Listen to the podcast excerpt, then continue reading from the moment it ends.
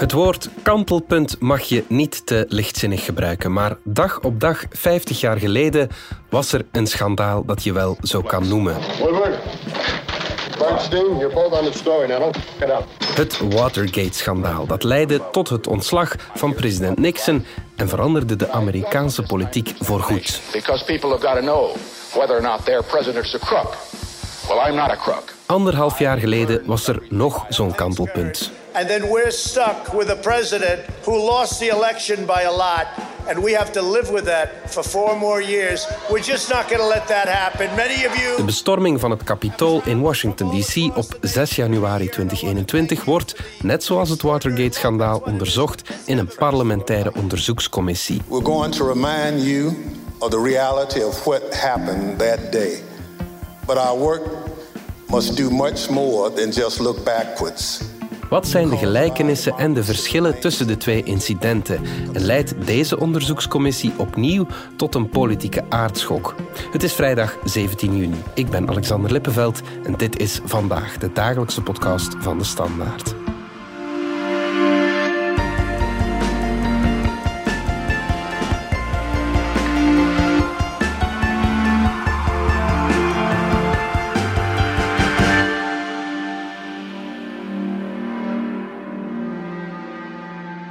Steve de Voer, onze Amerika-kenner. We gaan het zo dadelijk hebben over die uh, onderzoekscommissie rond de bestorming van het uh, anderhalf jaar geleden al. Maar eerst springen we nog een uh, stukje verder terug in de tijd, naar 17 juni 1972. Vertel. Wel, de Washington Post heeft een dag later, op 18 juni, een bericht op zijn voorpagina gezet over een inbraak. Nu, de Washington Post is een, is een politieke krant. Normaal gezien uh, brengen die de lokale fedivers niet. Als in het kantoor van het hoofdkwartier van de Democratische Partij vijf mannen desnachts worden aangetroffen die, uh, die daar onder andere heel veel afluisterapparaten bij zich hebben, ja, dan, dan, dan, dan, heb je iets dat politiek stinkt. En dan ja, komt het ook voorbij de regiopagina's van de ja, Washington Post. En vooral omdat toen ja, de misschien wel twee beroemdste journalisten aller tijden, ja. uh, Bob Woodward en, en Carl Bernstein van de Washington Post, ja. zich daar meteen op zijn gaan werpen en eigenlijk al vrij snel in de gaten hadden wie de, de opdrachtgevers waren. De opdrachtgevers was het, uh, het comité uh, voor de herverkiezing van, van Richard Nixon, de, kortom de, de Republikeinse Partij. Het is natuurlijk iets dat ongelooflijk in de, niet alleen in de Verenigde Staten zelf trouwens, maar wereldwijd in de, de collectief geheugen is, is gestapt. Hè. En dan is er dan de verfilming ervan geweest met Robert Redford en Dustin Hoffman en zo. Ja. Je, je, kon daar in de jaren 70 All the President's Men, hè, was het. Ja, ja, ja. All the President's Men. The story of the two young reporters who cracked the Watergate conspiracy. White House. Howard Hunt, please. All the President's Men. Het waren dus President's Men. Betekent het dat, uh, dat Nixon zelf die opdracht had gegeven voor die afluisterapparatuur? Uh, het antwoord is uh, hoogstwaarschijnlijk ja. Alleen is dat niet het juridisch juiste antwoord. Want we weten dat eigenlijk, maar min of meer definitief sinds 2003.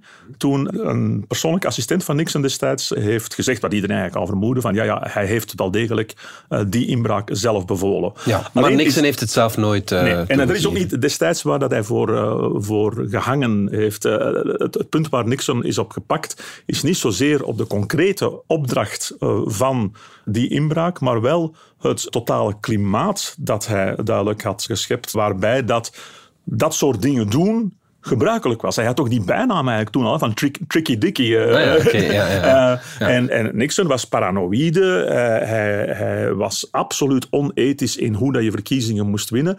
En er zijn veel beroemde dingen die hij deed die je vandaag moeilijk nog kunt voorstellen. Maar bijvoorbeeld zijn fameuze lijst van cultureel belangrijke personen die te links waren naar zijn goesting en die dus werden gevolgd door CIA en FBI. En waar dus mensen opstonden als John Lennon en Jane Fonda en Paul Newman en zo. Die werden dus geschaduwd omdat ze links waren. Hij is wel nog een tijdje in het zadel uh, blijven zitten hè, na ja, het Watergate-schandaal. Een tijdje is een understatement. Het heeft uh, het volle twee jaar geduurd. We spreken dus die inbraak uh, juni 1972. Het moment dat Nixon uiteindelijk ontslag heeft gegeven, onder zware druk zelfs van zijn eigen partijleden, ja. was augustus 1974. I would have preferred to carry through to the finish. But the interests of the nation must always come before any personal considerations. From the discussions I have had with congressional and other leaders, I have concluded that because of the Watergate matter, I might not have the support of the Congress that I would consider necessary to back the very difficult decisions and carry out the duties of this office in the way the interests of the nation will require.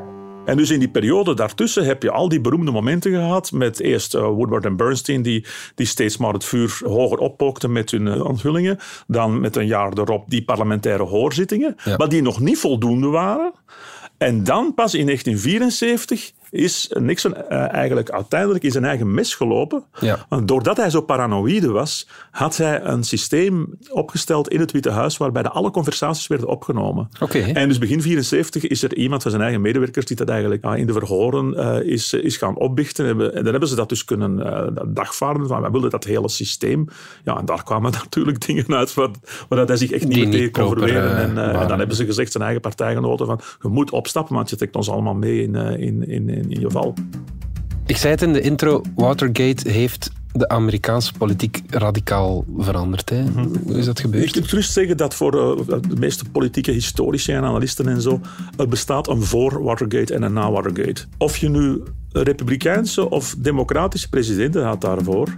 Het vertrouwen in de overheid in de jaren 50, 60 was, was bijzonder groot. Liep in, volgens peilingen in de 70 procent. Op de vraag van, denkt u dat de overheid in de meeste van zijn beslissingen het goed met u voor heeft? Ja. Met Watergate is dat teruggezakt tot rond de 30%, van 70 naar 30. En dan zou je denken, het zal daarna zich wel wat herstellen. Nee, vandaag zitten we rond de 20%. Oké, ja. Dus het, het, het idee van, van de overheid, die kun je niet vertrouwen. Dat had trouwens niet alleen met Watergate te maken, maar ook bijvoorbeeld dezelfde periode de Pentagon Papers die uitlekken, waarbij blijkt dat vier Amerikaanse presidenten achter elkaar de bevolking hebben uh, voorgelogen over wat hun motieven eigenlijk waren in Indochina en Vietnam. Ja. Uh, dat was ook nogal een schok. Wat ook te maken heeft met de pers. Ja. De pers die natuurlijk terecht na Watergate meer is gaan beseffen dat teruggaan naar daarvoor, vooral op persoonlijke kwesties in de jaren 60, Denk aan de Kennedys en aan het ondertussen beruchte gedoe met uh, vrouwen, Marilyn Monroe en zo, ja, ja, uh, van de Kennedys. Dat gebeurde allemaal in een uh, verstandhouding met de pers. Van, oh, we gaan daar niet over beginnen. Hè. Op na, Frans. na Watergate was er wel zoiets van, iedereen wilde wel de volgende Woodward of Bernstein worden. Dus de pers werd eigenlijk meer de controleur en in sommige gevallen zelfs de vijand van, Ja. van de overheid. Ja. Ook dat zorgde ervoor dat in die pers er, er twee kampen ontstonden. Want iedereen heeft wel zijn vriendjes uh, nodig. Ja, voilà. Dan komen we bij vandaag. Vandaag blijft ja, de politiek niet gespaard van uh, schandalen. Er zijn die hoorzittingen nu naar aanleiding van de bestorming van het Capitool op 6 januari 21. Eerst even de feiten. Wat is daar precies uh, gebeurd? Wel, als we puur kijken naar 6 januari zelf, mm -hmm. dan uh, zaten we dus op dat moment, uh, herinner u, de, de, verkiezingen waren geweest op 8 november. Mm -hmm. Het uh, Trump-kamp onder leiding van zijn persoonlijke advocaat Rudy Giuliani had 62 processen gevoerd om aan te tonen dat er gefraudeerd was. Allemaal verloren. We zitten op 6 januari op het moment dat we op 13 dagen zitten van het begin van de termijn. De, de inauguratie van... De inauguratie, de begin van de termijn van Joe Biden. En 13 dagen daarvoor moet het congres nog in gezamenlijke zitting van het Huis van Afgevaardigden en de Senaat moet nog officieel bekrachtigen dat Joe Biden de nieuwe president is. Ja. Het congres wordt op dat moment voorgezeten door Mike Pence, de vicepresident. Trump is een allerlaatste wanhopige poging aan het doen om dat tegen te houden door Mike Pence massaal onder druk te zetten van je moet dat weigeren. And he looked at Mike Pence and I hope Mike is going to do the right thing. I hope so. I hope so. Because if Mike Pence does the right thing, we win the election. All he has to do. Je moet dat gewoon blokkeren. Je moet zorgen dat dat niet gebeurt. Mm -hmm. Wat Pence uiteindelijk dus niet zal doen, omdat Pence zijn eigen advocaten ook zeggen van ja, maar dan word je de schurk van de geschiedenis, want ja. je kunt dat niet doen. And I heard this week that President Trump said I had the right to overturn the election. But President Trump is wrong. I had no right to overturn the election. Trump is er dus naartoe aan het bouwen en organiseert nog een rally aan het Capitool, enkele uren daarvoor, en spreekt daar natuurlijk dan de beroemde woorden van ja, ga naar het Capitool, ik zal meegaan met jullie. Wat is ook gebeurd en dan uh, enorm uit, uh, uit de hand loopt. We're going to walk down to the Capitol. And we're going to cheer on our brave senators and congressmen and women. Maar dat is 6 januari zelf. Maar wat de onderzoekscommissie uh, naar 6 januari onderzoekt, is niet alleen het, het feit, wat we allemaal zo hebben gezien, het geweld van die dag zelf. Waarbij uiteindelijk, niet vergeten, zes mensen zijn gestorven. Maar ook de opbouw daarnaartoe. Waarom is dat gebeurd? En in welke mate zijn Donald Trump en zijn handlangers is denk ik toch wel het juiste woord in dit geval, binnen de Republikeinse Partij, hebben die dat voorbereid en in ieder geval het klimaat zo gemaakt dat die menigte zo woedend was vanwege dus die, die mythe van die vervalste verkiezingen. Ja, dat is wat die onderzoekscommissie uh, onderzoekt nu dat heeft wel al wat vuurwerk ook opgeleverd. Hè? Ja, je denkt dan op voorhand, er is zoveel gelekt, we weten het allemaal wel ongeveer. Ja. Maar wat de commissie heeft gedaan, is ten eerste, ja, de commissie is niet gelijk samengesteld, dat, kunnen de democraten ook niet aan doen. Uh, het zijn negen leden, het zijn zeven democraten, twee republikeinen. Ook gewoon omdat de republikeinen, de, de kandidaten om in de commissie te zitten, die de republikeinen hebben, uh, hebben afgevaardigd, uh, waren uitgerekend congresleden die zelf verdacht zijn door de commissie. Okay, Dus dat was eigenlijk echt gewoon opgestoken vinger naar ja. wij doen niet mee. Of anders sturen wij de deze hier. Ja. Waarop dus Nancy Pelosi heeft gezegd van ja, dat gaat niet. En heeft dus eigenlijk de enige twee die wel kritisch zijn over Trump daarin gezet. Liz Cheney. Liz en, Cheney en uh, Adam Kinzinger. Ja. En, en ze doen dus al één heel slim door uh, Liz Cheney vaak aan het woord te laten komen. Om duidelijk te maken dat dit is geen democratische heksenjacht. Ook republikeinen vinden dit. Not only did President Trump refuse to tell the mob to leave the Capitol, he placed no call to any element of the United States government to instruct that the Capitol be defended. Maar vooral, de, de zaak tegen Trump wordt opgebouwd aan de hand van getuigenissen, heel soms live, maar meestal opgenomen getuigenissen van dus eerdere verhoren die zijn gebeurd met sleutelfiguren uit uh, Trump zijn eigen entourage. Ja. En de hoofdrol tot nu toe is daar absoluut uh, gekomen van, uh, van Bill Barr, William Barr, de uh, hondstrouwe minister van Justitie van, ja. uh, van Trump. Ja. De man die nota bene uh, onder andere het onderzoek naar de, de Russische inmenging bij de verkiezingen van 2016 echt op een ongehoorde manier uit de handen van de aanklager heeft getrokken om, om Trump maar te beschermen. Kortom, als, er, als, er, als er nu iemand is die... die, die Trump getrouw is, dan ja, is hij het dan, wel. Dan hij wel. En we zien daar dus nu Bill Barr uitleggen, onder meer dat, dat hij tot drie keer toe lange gesprekken heeft gehad met Trump om te zeggen van nee, sorry, we hebben dat nu allemaal uitgevlooid. I did not agree with the idea of saying the election was stolen and putting out this stuff, which I told the president was bullshit. Al die dingen die op Fox News worden verteld en zo, die jij zelf vertelt. Het is allemaal bullshit. Ja. Hij gebruikt ja. dat rol Amerikaanse uh, onplichtige woord ook uh, ja. expliciet. Dus dat is allemaal bullshit. En hij zegt er dan daarna ook bij, uh, ja, het probleem met Trump is dat voor de verkiezingen dat je er met veel moeite af en toe wel wat reden in gepraat kreeg, maar sinds de verkiezingen niet meer. Nee, ja. de man lijkt detached from reality. En, en Trump is duidelijk op zoek, wanhopig, naar uh, mensen die, die uh, willen onderschrijven dat hij de echte winnaar is. En gaat daar dus steeds radicalere, radicalere figuren naar, naar op zoek. Ja, uh, want Giuliani's rol is gigantisch in heel Giuliani's verhaal, rol is zeer ja. groot. Um, en waarschijnlijk dus... was hij stiepel zat. dat, wel, wel, dat, is, dat, is, dat is wat zegt iedereen die daarbij was. Giuliani zegt van, uh, wat is dat hier allemaal? En wij hebben gewonnen verdraaid. En al wie dat niet uh, vindt, dat is een zwakkeling. Ja. En ja, voor Trump in, in zijn state of mind is dat natuurlijk fantastisch dat er tenminste één iemand is die dat zegt. En een uur later gaat uh, Trump dus op tv zijn overwinning opeisen en eisen dat het verdere tellen stopt, Stopt, maar ja. dat toch geen zin meer heeft. If you count the legal votes, I easily win. If you count the illegal votes, they can try to steal the election from us. Het zat er al langer aan te komen. Uh, Trump heeft ook altijd, eigenlijk al maanden op voorhand gezegd van als ik verlies, dan is het maar gefraudeerd is. Dus Ja. het zat al wel in zijn hoofd. Maar de echte trigger om de big steal, de grote gestolen verkiezingen verhaal te beginnen, is eigenlijk toen wel, uh, wel begonnen. En, Ja. en, uh, Ja. heeft dan maanden zo geduurd, met als culminatie die bestorming van het uh, Capitool op, uh, op 6 januari. Ja, inderdaad. Wat Bill Barr zei was een uh, verrassing. Zijn dochter, Ivanka Trump, ja, die, die heeft ook wel verrast. Hè? Ja. ja wel, natuurlijk. De, de, mensen uit de entourage van Trump, op het moment dat je dus wordt gedagvaard om voor zo'n uh, zo'n commissie te komen getuigen. Uh, pas op, veel, veel mensen hebben dat geweigerd en riskeren daar uh, gerechtelijk voor vervolgd te worden. Maar, maar dus Jared Kushner, de schoonzoon, en Ivanka Trump hebben het wel gedaan. Maar je merkt wel heel hard dat die met de handrem op, dat die mondjesmaat antwoord geven, dat die echt moeten worden gepusht om antwoord te geven. Mhm. Neem nu die figuur van, van Bill Barr, hondstrouw, zei ik. Maar ja, als je eens, eens dat je aan samenzweringsdenken bent begonnen, de volgende stap zou gewoon zijn dat echte Trump-fans zeggen van kijk, en de Bill Barr die is ook al overgelopen en doet ook mee met het complot tegen onze president. Ja.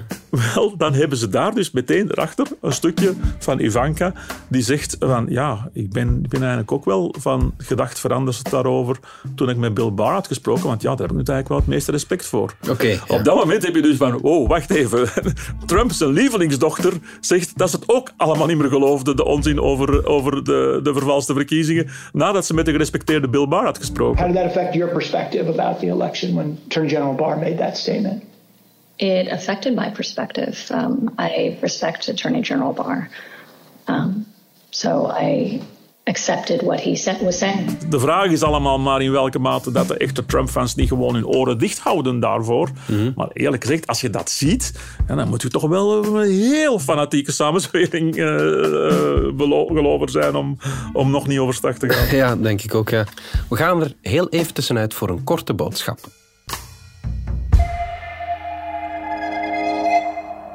Ja, ik kom hier natuurlijk weer reclame maken voor Radar, onze cultuurpodcast. Zaterdag komt er een nieuwe aflevering uit. En zoals je kan horen, is mijn stem een beetje verdwenen. Ik zal maar toegeven hoe dat, dat komt. Dat is eigenlijk omdat ik veel te veel heb zitten meezingen met nummers van ABBA. Want daar gaan we het over hebben. ABBA. Op dit moment loopt er een show in Londen met vier ABBA-tars. Dus niet de echte leden van ABBA die optreden, maar vier soort van hologramversies. Pieter van Tichem en Filip Tieles zijn gaan kijken en zij komen vertellen hoe dat eigenlijk was. En ook of hologramversies van artiesten misschien wel de toekomst zijn. Want ik weet niet hoe het bij jou zit, maar ik hou nog altijd meer van artiesten waar je het zweet ziet vanaf spatten tijdens een show of waar je het zweet misschien zelfs kan voelen op de eerste rij. Maar misschien is dit wel een manier om artiesten die je nooit live hebt kunnen zien toch te strikken, ook al zijn ze al overleden. Maar bon, zaterdag vertellen we jou er alles over. Tot dan. Radar. Radar. Radar. Terug naar jou, Steven. We begonnen met, die, met dat Watergate-schandaal. En zetten ja, de, de, de, politieke cultuur is tegen, is tegen elkaar toen en nu. Wat, uh, wat zijn de verschillen en wat zijn de gelijkenissen? Wel, de grote gelijkenis tussen Nixon en Trump is dat het allebei ging om narcistische, paranoïde presidenten die, die probeerden om uh, ja, tegen de grondwet in en tegen de normale regels in uh, president te blijven. Mhm. Dat is de gelijkenis. Het verschil is dat uh, Nixon leefde in een, in een klimaat waar hij donders goed wist dat al zijn machinaties in het geheim moesten gebeuren, want dat het systeem dat niet zou tolereren. Mm. En het systeem bedoel ik zowel uh, het gerecht als uh, parlementaire controle, als de media, als de publieke opinie in het algemeen. Ja. Waardoor dat dus moest gebeuren met geheime inbraken en zo. En, en, en daarna ontkennen, ontkennen, ontkennen dat het gebeurd is totdat je op de deur niet meer kunt ontkennen. Ja. Maar het heeft weliswaar twee jaar geduurd in totaal. Maar uiteindelijk heeft het systeem wel gewerkt. Ja. Uh, Nixon is moeten opstappen door, doordat ja, de, de, controlemechanismen op uh, uh, machtsmisbruik door de, door de president traag, maar efficiënt hebben gewerkt. Dat is helemaal anders in het huidige klimaat, waarbij dat dus de, de, de polarisering in publieke opinie en in media en in, in partijpolitiek in de VS zo gigantisch groot is dat ehm, je kunt, je kunt eigenlijk, en Trump dat donder toe, je kunt je eigenlijk ongeveer alles permitteren. Uh, want een, een, een, soort van mentaliteit uh, in dat rechtse blok van, van het is een schurk, maar het is onze schurk, zorgt ervoor dat hij eigenlijk quasi straffeloos wordt. Dat is al eerder gebleken met de Russische inmenging Uh, en met die twee impeachments, waar je dus telkens zegt, we hebben de bewijzen hier live op televisie zien aangebracht worden. En, en nog wordt die gewoon vrijgesproken. En ja, we moeten nog zien in welke mate dat, dat ook maar iets verandert aan de manier van denken van de meeste Amerikanen. Want het is zo hardnekkig in twee kampen opgedeeld dat eigenlijk ja, de objectieve waarheid en daarmee de accountability, de, de, de, de, de, de politieke aansprakelijkheid voor uw daden, eigenlijk om zeggen verdampt is. Ja, ja oké. Wil dat dan zeggen dat Trump zich hier op een manier nog gaat kunnen uitmanoeuvreren, denk je? Of? Wel, uh, het is een uh, populaire gedachte om, uh, om dat te zeggen. Ik ben het er niet mee eens van ja, maar Watergate heeft ook twee jaar geduurd en het heeft er ook al verschillende keren uitgezien dat Nixon ging en dan toch weer niet en uiteindelijk wel. 6 januari is niet zonder gevolgen gebleven. Maar er is ook al gebleken uit peilingen en zo dat er na 6 januari toch een 5 à 10 procent van zijn stemmers zijn die zeggen van ja, maar nou wat er nu gebeurd is, nee, nooit meer. Hè. ja. Dat is op zich al een geweldig probleem, maar het is niet direct dat Trump, ja, hij, hij heeft in 2016 in een soort van perfect storm heel nipt gewonnen. Hij heeft in 2020 verloren van het nog niet zo fantastische tegenkandidaat als Joe Biden. Dus als hij al 10% van zijn... afkalft, ja. ja. Alleen, met wat er nu gebeurt met zijn, zijn eigen trouwste secondanten die komen vertellen hoeveel boter hij op zijn hoofd heeft, gaat dat percentage afhakers natuurlijk alleen maar vergroten. En dat kan hij zich niet permitteren. Dat weten de Republikeinen trouwens ook. Maar dus die angst zit er nog wel in. Maar de Republikeinen houden wel het moment klaar om te zeggen: uh, trossel los, uh, we moeten ons distancieren van Trump en gaan kiezen voor andere mensen die. Wees er niet te vrolijk over, die ook Trumpistisch van insteek zullen zijn, maar die, met, die niet met Trump zullen zijn. En moeten we dan niet een bepaalde schrik hebben van een soort machtsvacuum binnen die Republikeinen? Want het is in een machtsvacuum dat radicalen floreren, is Steven. En, en als, als dan Trump kan zeggen, kijk, ze krijgen het niet opgelost zonder mij, ja, dan, dan wordt hij misschien terug zo sterk als toen. Ja, maar het gaat niet alleen over wat binnen de Republikeinse Partij zelf speelt. Hè. Mhm. Eh, je moet uiteindelijk verkozen geraken in een algemene verkiezing. Er is één ding waar we het er net niet over hebben gehad, en dat, dat, dat ook nog belangrijk is in deze parlementaire commissie, heeft geen strafrechtelijke bevoegdheid, mhm. maar het gerecht volgt. De minister van Justitie, Mary Garland, heeft gezegd van ja, we volgen op de voet wat er daar allemaal gebeurt. Ja. En de druk voor het gerecht om in te grijpen en om Trump en acolyten uh, ook strafrechtelijk te vervolgen, die groeit. En de bewijzen liggen er. Het volstaat iemand strafrechtelijk te veroordelen, louter voor het feit dat hij heeft geprobeerd om de normale gang van zaken in de overdracht van de macht te belemmeren. Ja, bedoel, daar zijn... Als dat niet volstaat. en, en, en, de bewijzen daarvan zijn, zijn zo enorm uh, opeengestapeld uh, de jongste dagen. Dus Trump kan zelfs in de bak belanden. Het, het, maar, maar ook dan, hè, dan, dan, dan is hij een soort martelaar. Ja, nee, maar dan, dan, gaat hij dan zou hij ook zijn recht om uh, verkozen te worden uh, verliezen. Maar sowieso, e-, echt, Trump zelf is te veel aangeschoten wild. Maar het Trumpisme... Het Trumpisme. En dan zit je met mensen, eerlijk gezegd... Ron DeSantis, onthoud die naam. Ron DeSantis is de meest populaire van de verschillende uh, lokale figuren, meestal gouverneurs en zo, die zich eh, heel hard aan het profileren zijn, aan hun nationale bekendheid aan het werken zijn en die zich profileren als Trumpist. En conservatief. Ja. Maar met oerconservatief en ook in kwesties zoals coronascepticisme. Ja. De Sandys heeft als gouverneur in, in Florida die fameuze uh, Don't Say Gay-wet erdoor gevoerd, waarbij hij niet meer over homoseksualiteit mag spreken op scholen. We will make sure that parents can send their kids to school to get an education, not an indoctrination. Dat soort figuren, maar met net iets meer een laagje vernis erover. Een soort van iets beschaafdere vorm van Trump. En dat slaat wel erg aan.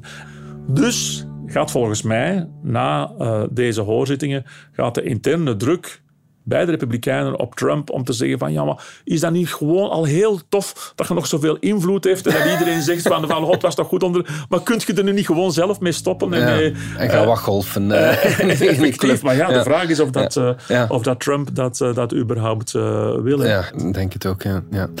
Tot slot, Steven, ik, ik denk dat ik die vraag al in heel wat podcasts heb gesteld of de democratie in de VS in, uh, in gevaar is. Hè. Misschien moeten we een soort graadmeter invoeren elke keer. maar na deze hoorzittingen of, of, na heel dit proces, wat, ja, hoe is het daarmee gesteld? Wel, ik zou zeggen, als je een graadmeter... Het staat op donkerrood. Hè. Ja, uh, het is echt, echt op complete alarmfase. Mm. Ik ga er ook vanuit dat in de laatste zittingen van de commissie dat ze het daarover gaan hebben. Mm. Dat ze uh, niet content zullen zijn met louter aan te kaarten aan wat voor een enorm risico, eigenlijk een, een georganiseerde coup door, uh, door Trump, dat ze zijn ontsnapt in het verleden. Maar wel dat de kans dat dat in de toekomst gebeurt nog veel groter is. Eigenlijk zijn ze volop bezig met een betere versie van wat ze vorige keer hebben geprobeerd. Ja. Want ik neem je nog eventjes terug naar wat er gebeurd is onder, onder, Trump. Het is niet alleen dat onder druk zetten van Mike Pence en zo. Enkele dingen die ook door de commissie worden, uh, worden uitgevlooid, is hoe Trump onder meer heeft aangemoedigd dat staten hun, hun kiesmannen, die, die dan, dan bijeenkomen die een president benoemen, hun set van verkozen kiesmannen opzij schuiven en staat met republikeinse meerderheid. Hè, en hun eigen kiesmannen naar voren schuiven, ja. dus het nepkiesmannen. Ja. Dat heeft hij gedaan. Hij heeft ook de lokale verkiezingsautoriteiten in verschillende staten onder druk gezet om, uh, zoals in Georgia bijvoorbeeld, van je mm. moet mij 12.000 stemmen vinden. Mm. Dus al dat, ja, die, die, die onwaarschijnlijke machinaties, die zijn mislukt doordat er ambtenaren waren sommige republikeins genoemd, die mhm. toch nog zeiden van ja, maar ik ben geen ambtenaar, ik kan niet zomaar 12.000 stemmen vinden. Ja. Dat is, dat, is, dat is pure fraude. Nu zorgen ze ervoor dat er wordt massaal geld op ingezet op in de voorverkiezingen kandidaten voor gouverneur, kandidaten om die kiescommissies te leiden in die staten en zo, mhm. die radicaal Trumpist zijn en die soms zelfs campagne voeren met het feit van als dat de volgende keer nog gebeurt, dan ga ik helemaal doen wat dat Trump zegt. Mhm. Dat, dat gebeurt open en bloot. Ja. En, en, en dan zeg je van, ja, maar gaan we nu straks, dus nu in november, mensen dus op zo'n sleutelposten benoemen die al op voorhand zeggen uh, ik ga de echte resultaten naast mij neerleggen en ik ga het resultaat fantaseren dat Trump president kan maken. Of Trump, of, want wat ik nu over, over Trump zeg, kan, kan ook voor DeSantis of voor ja. een andere Trumpistische kandidaat gelden. Ja, ja. En dan ja, met wat ze nu aan het proberen zijn, de vraag is of dat lukt. Maar als, als dit lukt, dan houdt uh, de Verenigde Staten eigenlijk echt gewoon op om een uh, normaal functionerende democratie te zijn. Mm -hmm. Goed, Steven de Voer, dankjewel. Graag gedaan. Dit was vandaag de dagelijkse podcast van de Standaard. Bedankt voor het luisteren. Download onze app DS Podcast of volg ons op Spotify, Apple Podcast of eender welk ander podcastplatform. Alle credits van de podcast die je net hoorde vind je op standaard.be-podcast. Reageren kan via podcast.standaard.be. Maandag zijn we opnieuw.